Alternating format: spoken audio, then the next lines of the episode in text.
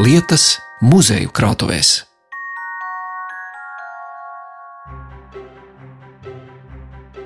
Turpmāk raidījums vietu lietas ielūkosies Latvijas muzeju krātuvēs.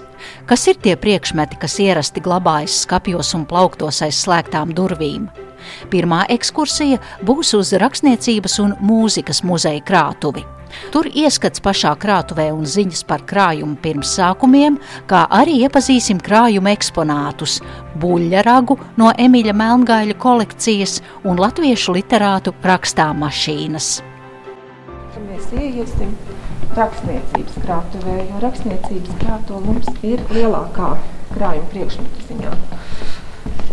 Tā, šeit apstājamies. Tā.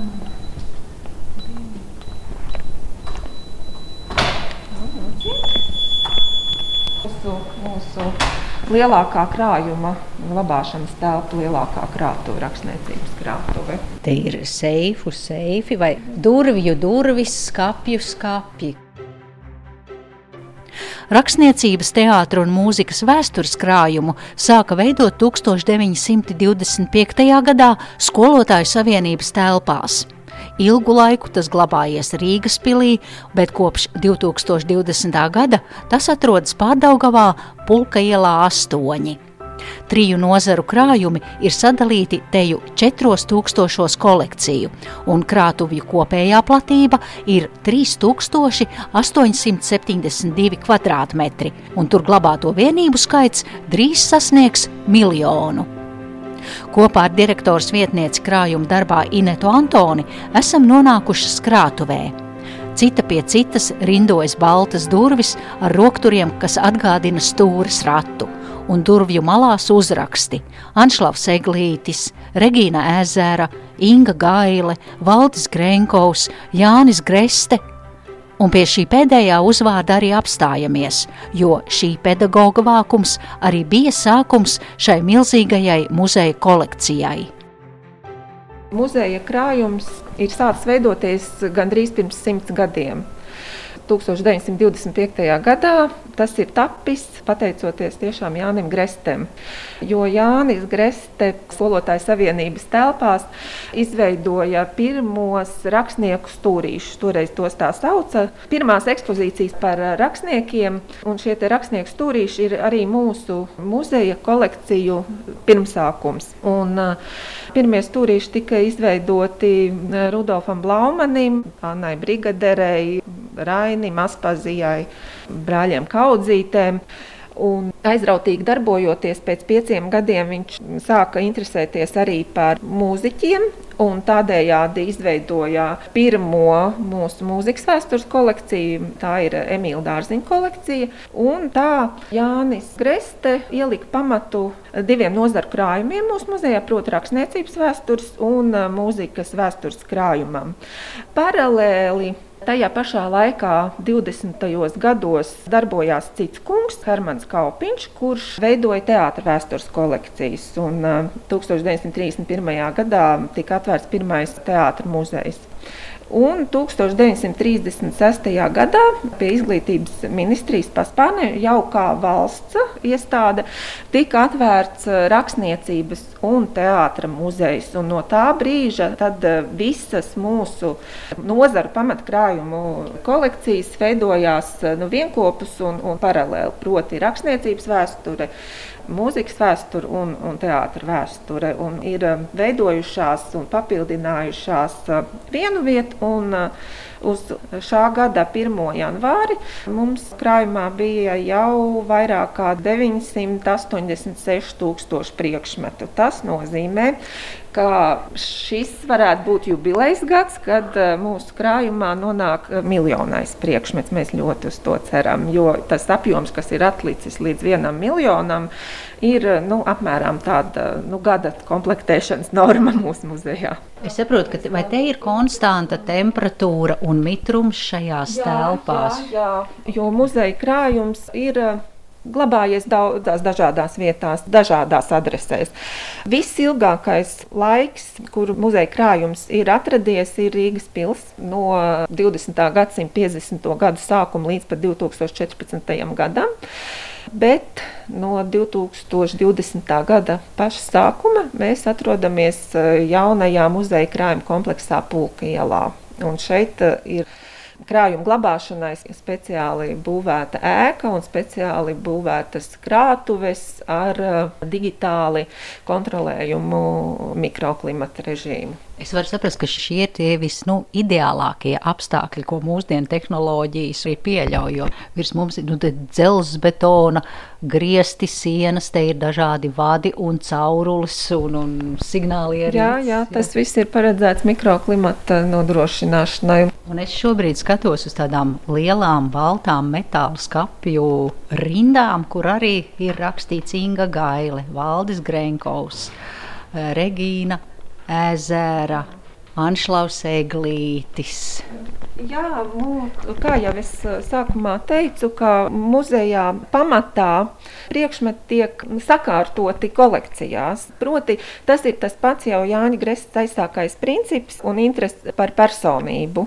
Un jau no tiem laikiem, kā viņš veidoja rakstnieku stūrīšus, šodien mēs tās saucam par kolekcijām, un, un priekšmeti tiek sakārtoti kolekcijās. Tā kā ir mums arī dažas tematiskās vai organizācija kolekcijas, bet tā pamata interese un pamata kārtojums ir personību kolekcijās. Protams, ka nu, tas saturiskais uh, klāsts, kas nāk, tur jau nāk līdzi gan laikmets, gan citas personības, gan radošais process. Tas aptver visu, un, un priekšmetu veidi ir dažne dažādākie. Ir gan dokumenti, un ļoti daudz mums ir fotografijas, ir visdažādākā veida korespondence, ir rokraksti gan dažādi ieraksti, gan skaņu, gan video. Un Jānim Grestēm īpaši interesēja piemiņas lietas. Tā kā mums ir ļoti daudz visdažādākā veida priekšmeti. Aiz durvīm plauktos rindojas vai nu papīra formāta pieraksti, ko reiz ir rakstījuši aktieri, literāti, mūziķi, kultūras un mākslas darbinieki, vai arī kāds, ko ir rakstījis viņiem. Citos plauktos glabājas kastes, uz kurām ir uzrakstīts, kas un kam ir piederējis. Tāpēc ir pienācis laiks iepazīt dažus krājumu priekšmetus tuvāk. Kurš puisītis ragā pūta, tam būs kāzas šoruden. Mani brāļi stabulēja, tiem būs citu vasariņu. Tā ir minēts 2019. gada marta mēneša priekšmeta apskatā muzeja interneta vietnē un runa ir par buļļa ragu ar akurāti ieurptiem caurumiņiem, šķērsu krustu skaistumam un tāds aptuveni 40 cm garš priekšmets stāv uz galda. Līdzās tam fotografija no 1925. gada. Suitu tērpos saģērbts etnogrāfiskais ansamblis. Par šiem priekšmetiem no komponista un folklorista Emīļa Melngaļa kolekcijas stāsta šī krājuma glabātāja, rakstniecības mūzikas muzeja mākslas eksperte Inese Žūne. Tas ir buļļa raksts, un mēs esam viņu ieguvuši kopā ar um, Emīlu Melngaļu kolekciju 1968. gadā. Tātad diezgan jau sen to nodeva viņa meita, Un kas tad ir buļļa raks un kāpēc tas ir viņa kolekcijā? Nu, šādi ragi ir bijuši tradicionālajā muzikā ļoti izplatīti senos laikos. Un, uh, ir gan no āža, gan arī no citiem ragiem. Būtībā tas ir signāla instruments, jo neko diži daudz jau tur nevar nospēlēt. Lai gan Valdis Muktu Pāvils uz šādu instrumentu eh, diezgan skaistu melodiju ir varējis nospēlēt. Nu, kā tad viņš to par mūzikas instrumentu? Nu, tā tad paņem buļļa ragu, nogriež galiņu, viņam pašu galiņu. Tad izņem, tur ir tāda mīksta viela iekšā. To visu izņem ārā, izveido iemuti, jo kaut kur ir jāpūš. Tur tāda maza. À, tur ir ieurpta vēl tāda iedobīta jā, tajā jā, šaurākajā raga jā. galā. Un tad vai nu izgriež, bet, nu, kā mēs zinām, raksts ir ļoti ciets, kādreiz arī izdedzina tādus caurumiņus. Un caurumiņi ir nepieciešami tādēļ, lai tur varētu uzlikt pirkstus un mainīt skaņas augstumu. Te vēl ir arī tāda simboliska kaut kāda Latvijas zīme. Ja, kuras... Jā, saprotu, tas ir eh, vienkārši tā ir dekoratīva zīme. Jā, tā ir dekoratīva zīme, un, un vispār jau apstrādāt tādu ragu ir nu, diezgan grūti, bet nu, jā, ir pacentušies arī tādu zīmi iededzināt. Un šis uh, raks ir spēlēts, nu, domājams, ka viņš ir nācis no Ausungas šis raksts, jo 1925. gadā Emīls Melngālis ir aicinājis suitu ansambli ar šādiem instrumentiem muzicēt Latvijas konservatorijā, tagadējā muzikas akadēmijā, un vēl Eduards Ramots raksta par to, ka tas bijis viņa ausīm kaut kas ārprātīgs. Katrs pūcis šķība greizi, bet, protams, ka to jau nevar salīdzināt ar akadēmisko mūziku un, un tām tradīcijām, jo, jāsaka, tradicionālā māksla, tur ir pilnīgi citas vērtības un pilnīgi cita virzība, kādēļ ar to nodarbojās.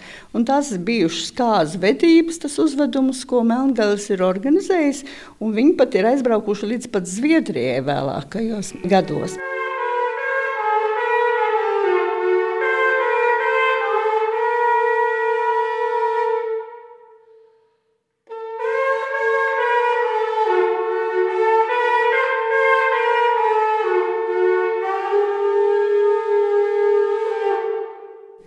Bet par šo instrumentu runājot vēl tuvāk, tad jāsaka, ka, kur tad viņu spēlēja.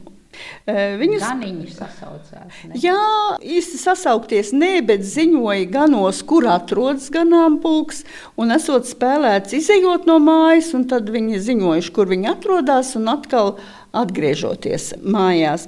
Bet interesanti tas, ka tas ir arī noderējis kā tāds precību rīks. Jo, ja jauneklis varēja iepūst šajā ragā, jo tas prasa milzu spēku, un kur nu vēl nospēlēt kādu melodiju, tad viņš bija gatavs precēties. Un tādēļ tiem jauniešiem, kuri rudenī nu, gribējuši svinēt kārtas, vasarā un jau varbūt pavasarī, ja tāds siltāks, Viņi ir spēlējuši melodijas savām dāmām, kuras nu, pāri kalniem, pāri lijām ir skanējuši. Jo instruments ir spēcīgs. Viņi, piemēram, izmantoja arī medībās, jā, arī kā tādu signālu instrumentu. Un Dainas liecina par to, ka arī sardzē stāvot ir izmantot šādi rāgi pūsti. Un e, vēl ir doma, ka tieši šo buļļu rāgu Mangēlis ir ieguvis no tāda Matīsa Siliņa, kas ir bijis skolotājs un arī etnogrāfs, eh, kurš ir vācis eh, tajā etnogrāfiskai izstādē, kas bija 19. Gadsimta beigās. Viņš ir vācis instrumentus, un tad kaut kādā ceļā daži no tiem, vai nu tāpēc, ka Melngāls gribēja šo etnogrāfisko suitu ansambli veidot, vai arī kā citādi, jo, redziet, viņam ir tāda lāsuma šim ne, ragām. Tiešām, jā, tāds tā, nu, bruņurupuču krāsas raksies, tā var izteikties, kad nu, 50 centimetri garš vai pat garāk. Kā 40, 40 nedaudz ieliekts. Tā, un tas ragu lops ir dzīvojis arī 1900 kaut kādā 20. gadi. Nē, nē, nē, tas ir no 19. gadsimta šis. Jo tas uzvedums bija 20. gados, un tad jau tie instrumenti bija vairāk vai mazāk savākti. Ja? Buļraks ir vēl no 19. gadsimta beigām. Jo tā etnogrāfiskā izstāde bija, ja nemaldos, 1896. gadā. Tā tad jau pirms tam tas lopiņš ir devis savu ragu, lai varētu tapt mūzikas instruments. Ņemot vērā, ka šis ir eh, no krājuma, vai arī kādreiz šo ragu, vai to drīkst vispār spēlēt, vai jūs dodat profesionāliem mūziķiem, vai tam nedrīkst pieskarties, lai kaut ko nenodarītu? Mēs esam devuši Valdem Uktupāvelam iepūst pāris reizes, tad mēs visi vismaz zinām, ka viņš skan, bet, protams, mēs savus krājumu mūzikas instrumentus nedodam plaši.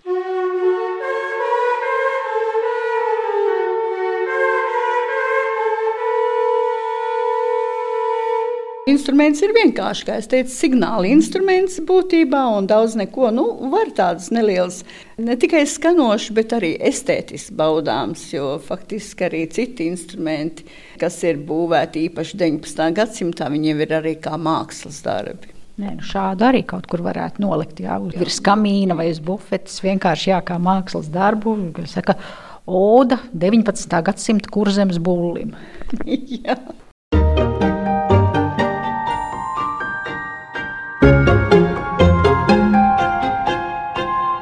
Vietu lietas.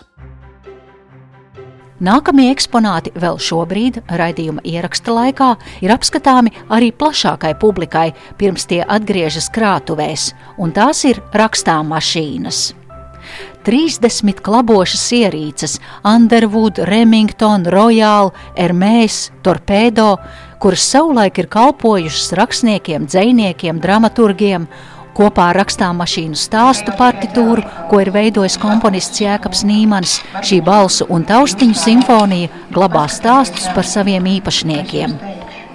Katra no šīm zelta kaudzēm slēpj sevi stāstu, un katrs plasmasas spoks zina to, par ko jūs nenojaušat.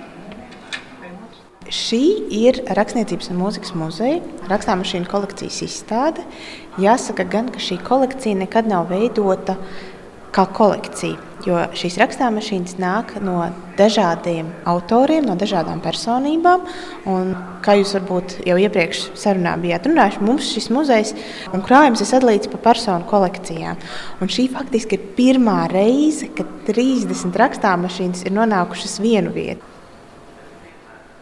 Te arī rakstām mašīnām nedrīkst pieskarties, bet te ir pie katra uzrakstīts spied un klausies četras reizes. Jā, daļa no jums paraudzīsies visapkārt un teiks, ka te jau tikai dzelžu kaudzes un plasmasas spoki.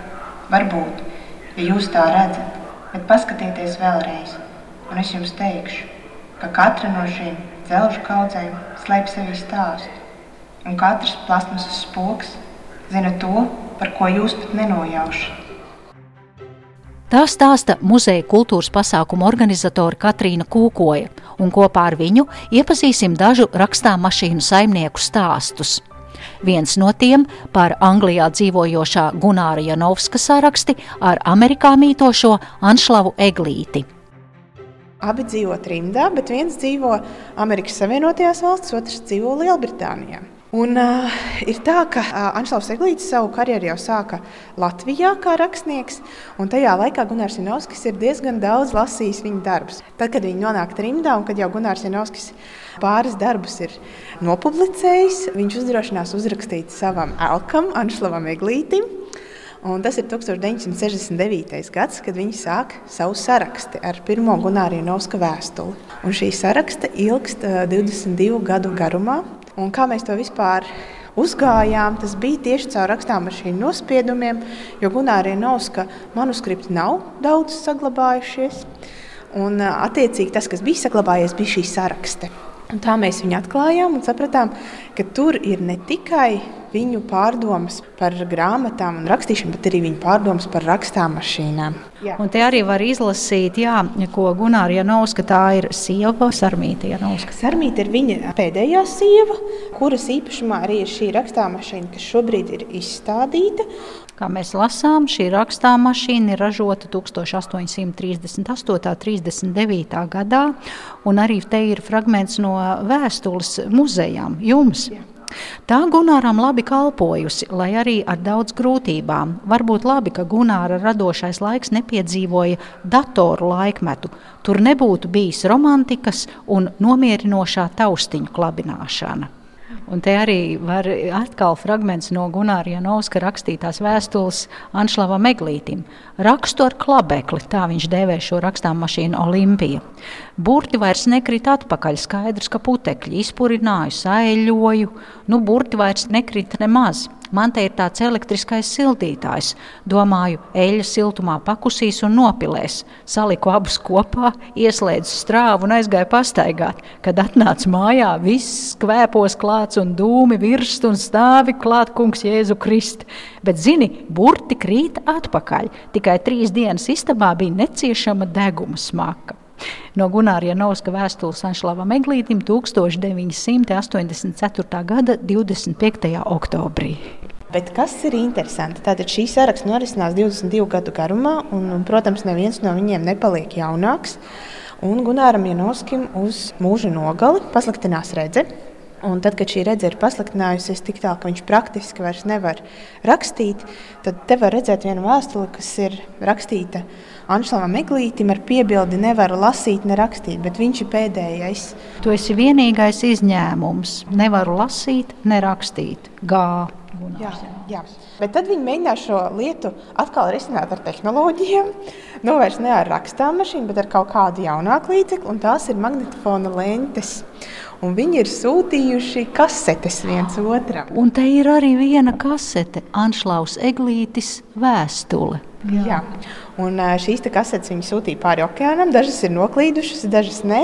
Bet tas, kas mums ir saglabājušās, ir tikai dažas, ko Anšlaus ir ierunājis Gunāram. Un šīs ierunas, kas ir interesanti, Anšlaus Eglītis, piemēram, ir rakstījis uz vecām roka mūzikas kasetēm, jo viņš kā kino kritiķis viņam bieži vien sūtīja visu kaut ko.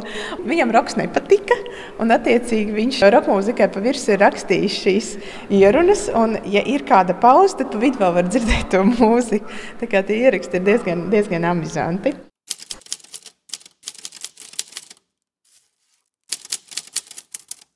Nu, lūk, un šeit savukārt ir tāda tiešām jūra rakstāmašīna. Tās ir četras no Anšlava Eglīša rakstāmašīnām. Un, nu, viņš nu gan ir bijis rakstāmašīnu gurmans.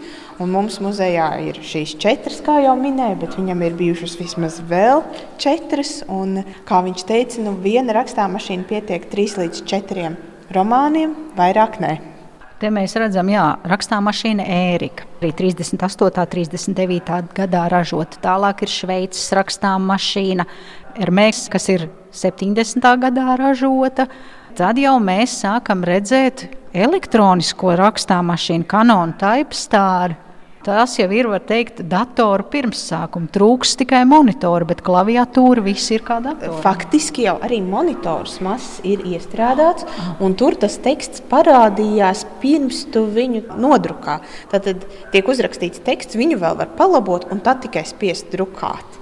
Tā kā arī savā veidā tiešām jau tās pirmās datoru funkcijas ir šajās rakstāmašīnās. Bet uh, Ašlām Miglītam viņas ļoti patika. Bija vieglāk rakstīt nekā uz tām smagajām rakstāmašīnām. Bet, protams, mīnusi arī viņām ir. Tas bija tas, ka viņas ātrāk lūdza un vienmēr vajadzēja atgriezties pie uzticamā Šveices ražojuma Hermes.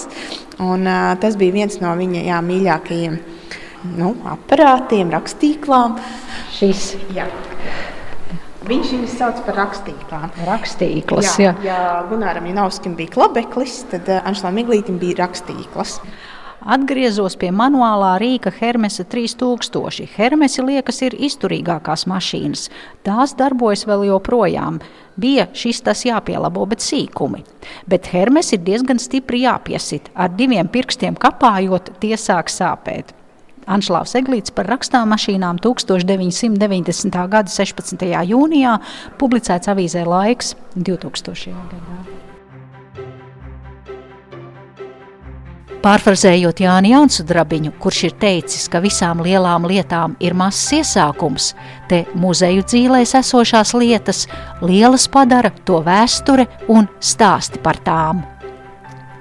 Raidījumā izmantoti fragmenti no folkloras kopas ābra ierakstiem, un paldies par ekskursiju rakstniecības un mūzikas muzeja krātuvē.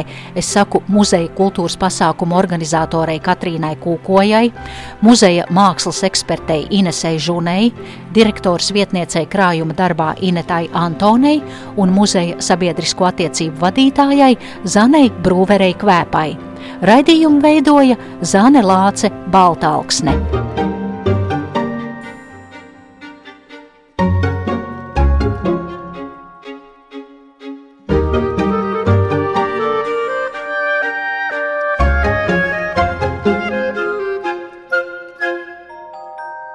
Vietu, lietas, muzeju krātuvēs.